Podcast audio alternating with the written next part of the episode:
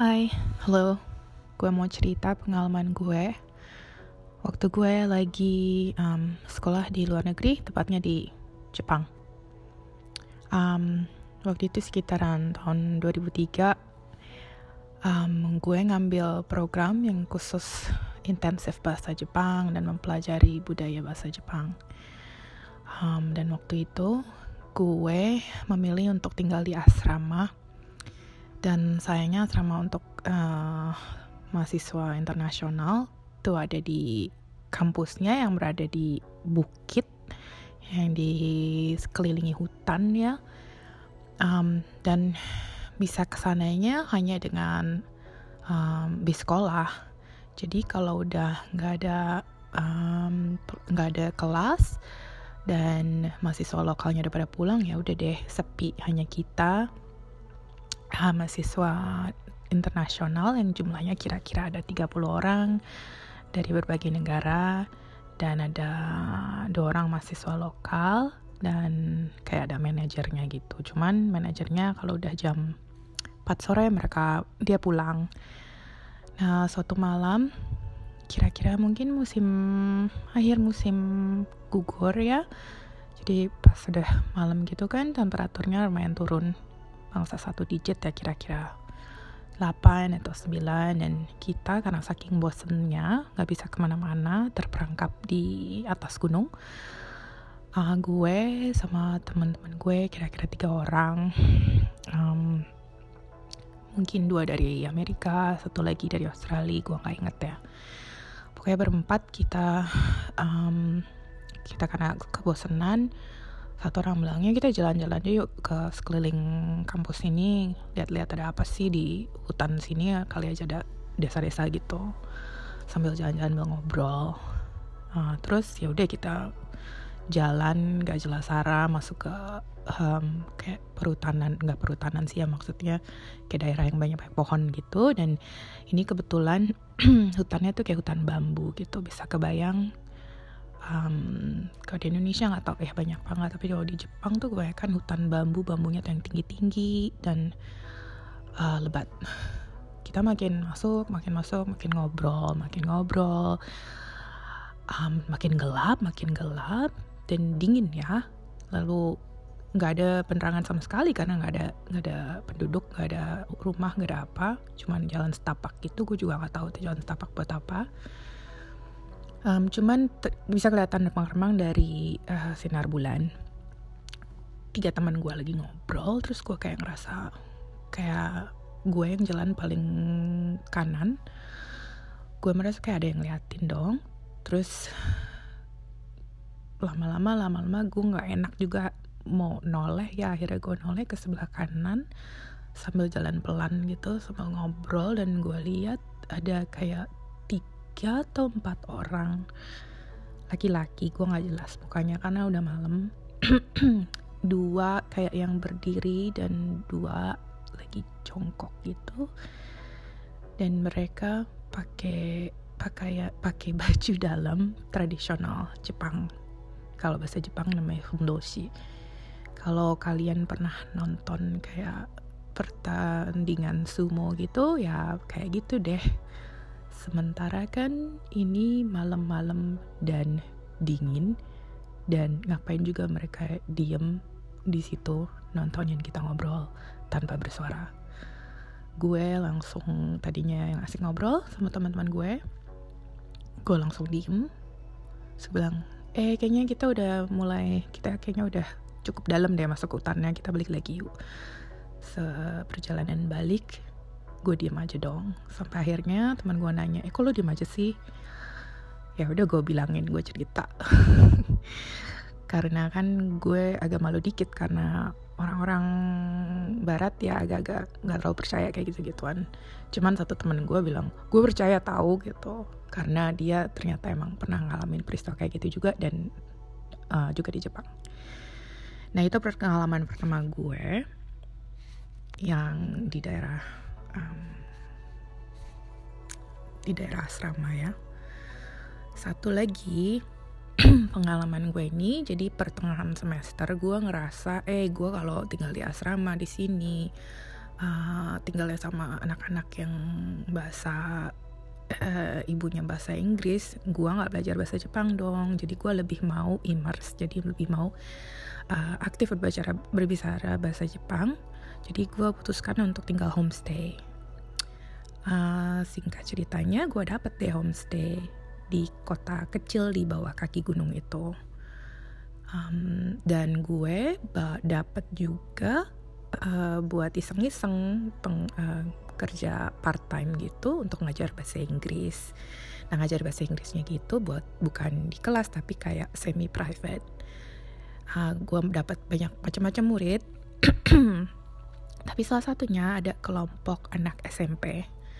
Uh, ada empat anak cewek-cewek SMP kelas satu tuh kelas 2 Nah, um, jadi logistiknya kita waktu itu kalau nggak salah udah lama banget ya satu tiap anak itu bergiliran menyediakan um, tempat untuk kelasnya. Jadi kayak hosting gitu kan nah udah beberapa kali kita lakukan tiap jam. Kayaknya kalau nggak salah setelah makan malam deh atau sebelum tepat sebelum kayak jam 6 gitu. Nah udah beberapa kali dilakukan lalu gilirannya nih anak satu. Agak deket-deket di bawah kaki gunung.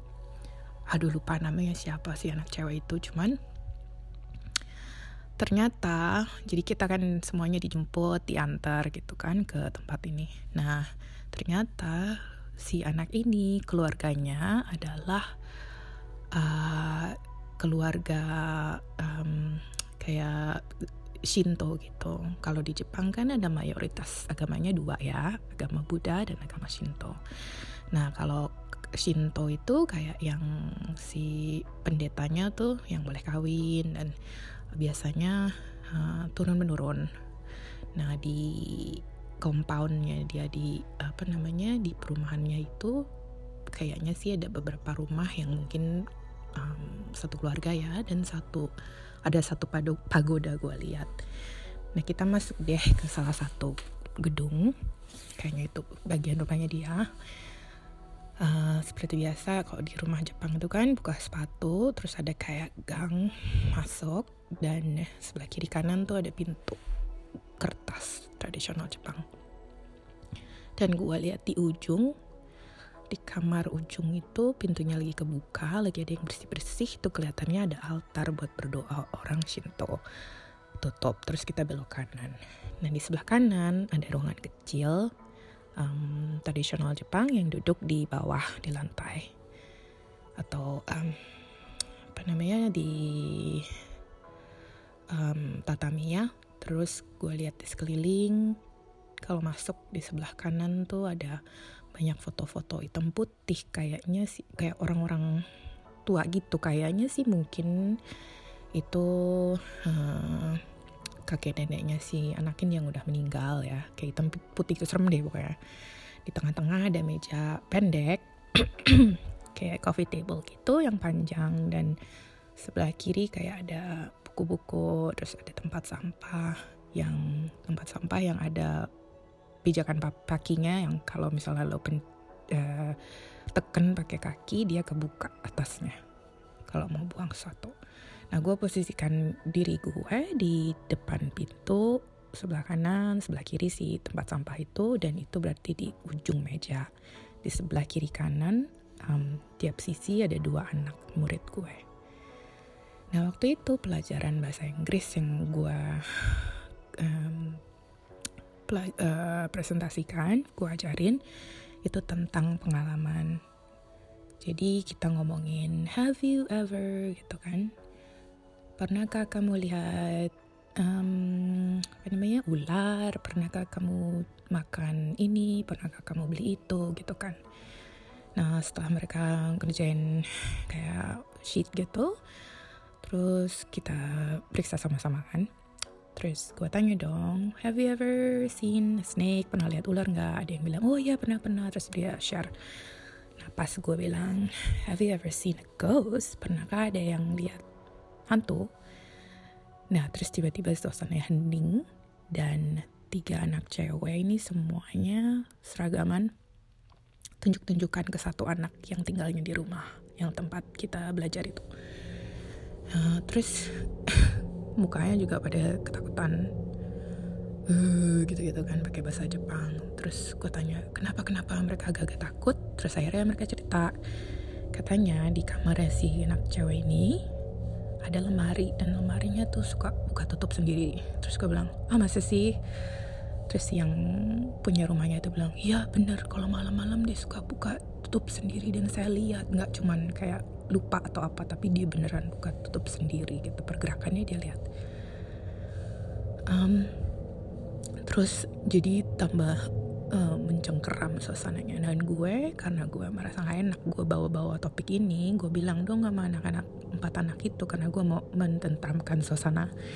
Gue bilang enggak enggak enggak enggak enggak kok enggak enggak. It's okay it's okay gue bilang There is no such thing as ghost. Nggak ada tahu yang namanya hantu itu. Terus semuanya cerita-cerita belaka doang. Bangsa tiga detik setelah gue ngomong kayak gitu. tempat sampah yang di sebelah kiri gue. Bangsa satu meter setengah di sebelah kiri gue. Dia kebuka sendiri. Deng-deng gitu kan kebuka sendiri dan si tutupnya kebuka sendiri dan pijakan kakinya itu turun bukan gitu aja. Dia tetap turun jadi si ininya tetap kebuka. Jadi kalau misalnya orang buka sampah itu kan buka tempat sampah dipijak terus kalau kakinya diangkat kan dia tutup. Ini enggak dipi kayak ini kayak ada yang mijak terus terusan nempel di pijak gitu. Langsung dong anak-anak empat orang itu langsung pada teriak-teriak dan ngumpul di sudut. Teriak kenceng banget. Gue juga sebenarnya lucunya gue nggak ngerasa takut. Gue malah lebih keheran dan takjub. Apaan nih gitu kan? Terus gue malahan berdiri dan gue malah lihat kiri ke sekeliling di tempat sampah itu. Ini sulap apaan nih gitu kan? Dan gak ada apa-apa dan gak ada satupun logika yang bisa ngejelasin kalau si tempat sampah ini bisa kebuka kayak gini. Dan si anak-anak masih berteriak-teriak ada yang nangis terus langsung gue bilang no no no no sorry sorry sorry gue bilang itu tetap juga ini kebuka. Dan akhirnya gue berdiri di depan foto-foto si ancestor si um, tetuanya keluarganya si anak itu. Dan gue bungkuk. Dan gue bilang pakai bahasa Inggris maaf sebesar besarnya saya nggak masuk kayak gitu. Terus gue bilang ya mungkin ada yang namanya hantu sepersekian detik si tempat sampah nutup. Jeng jeng. Langsung si anak-anak teriak lagi. Dan gue langsung cepat-cepat well ya udah deh kalau gitu kita lessonnya sampai sini dulu ya. Dan gue cabut dan nggak pernah mau ke situ lagi. So um, itu dua pengalaman gue waktu gue tinggal di Jepang. Ada sih yang kecil-kecil lainnya cuman kayaknya terlalu panjang. Um, terima kasih buat sudah dengerin. Um, di lain kesempatan gue mau cerita pengalaman-pengalaman lain yang pernah gue alamin waktu gue kuliah di di kota lain. Dan um, banyak deh pokoknya cerita dari gue. Sampai nanti. Bye